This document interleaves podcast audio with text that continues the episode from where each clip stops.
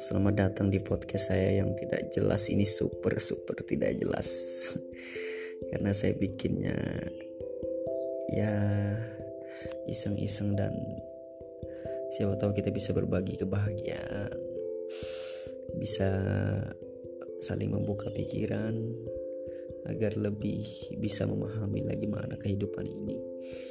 Terlebih lagi saat kita mengalami hal-hal masa sulit, terlebih lagi ketika kita mengalami hal-hal yang benar-benar berat dalam hidup kita, ketika kehilangan, ditinggalkan, dan lain sebagainya.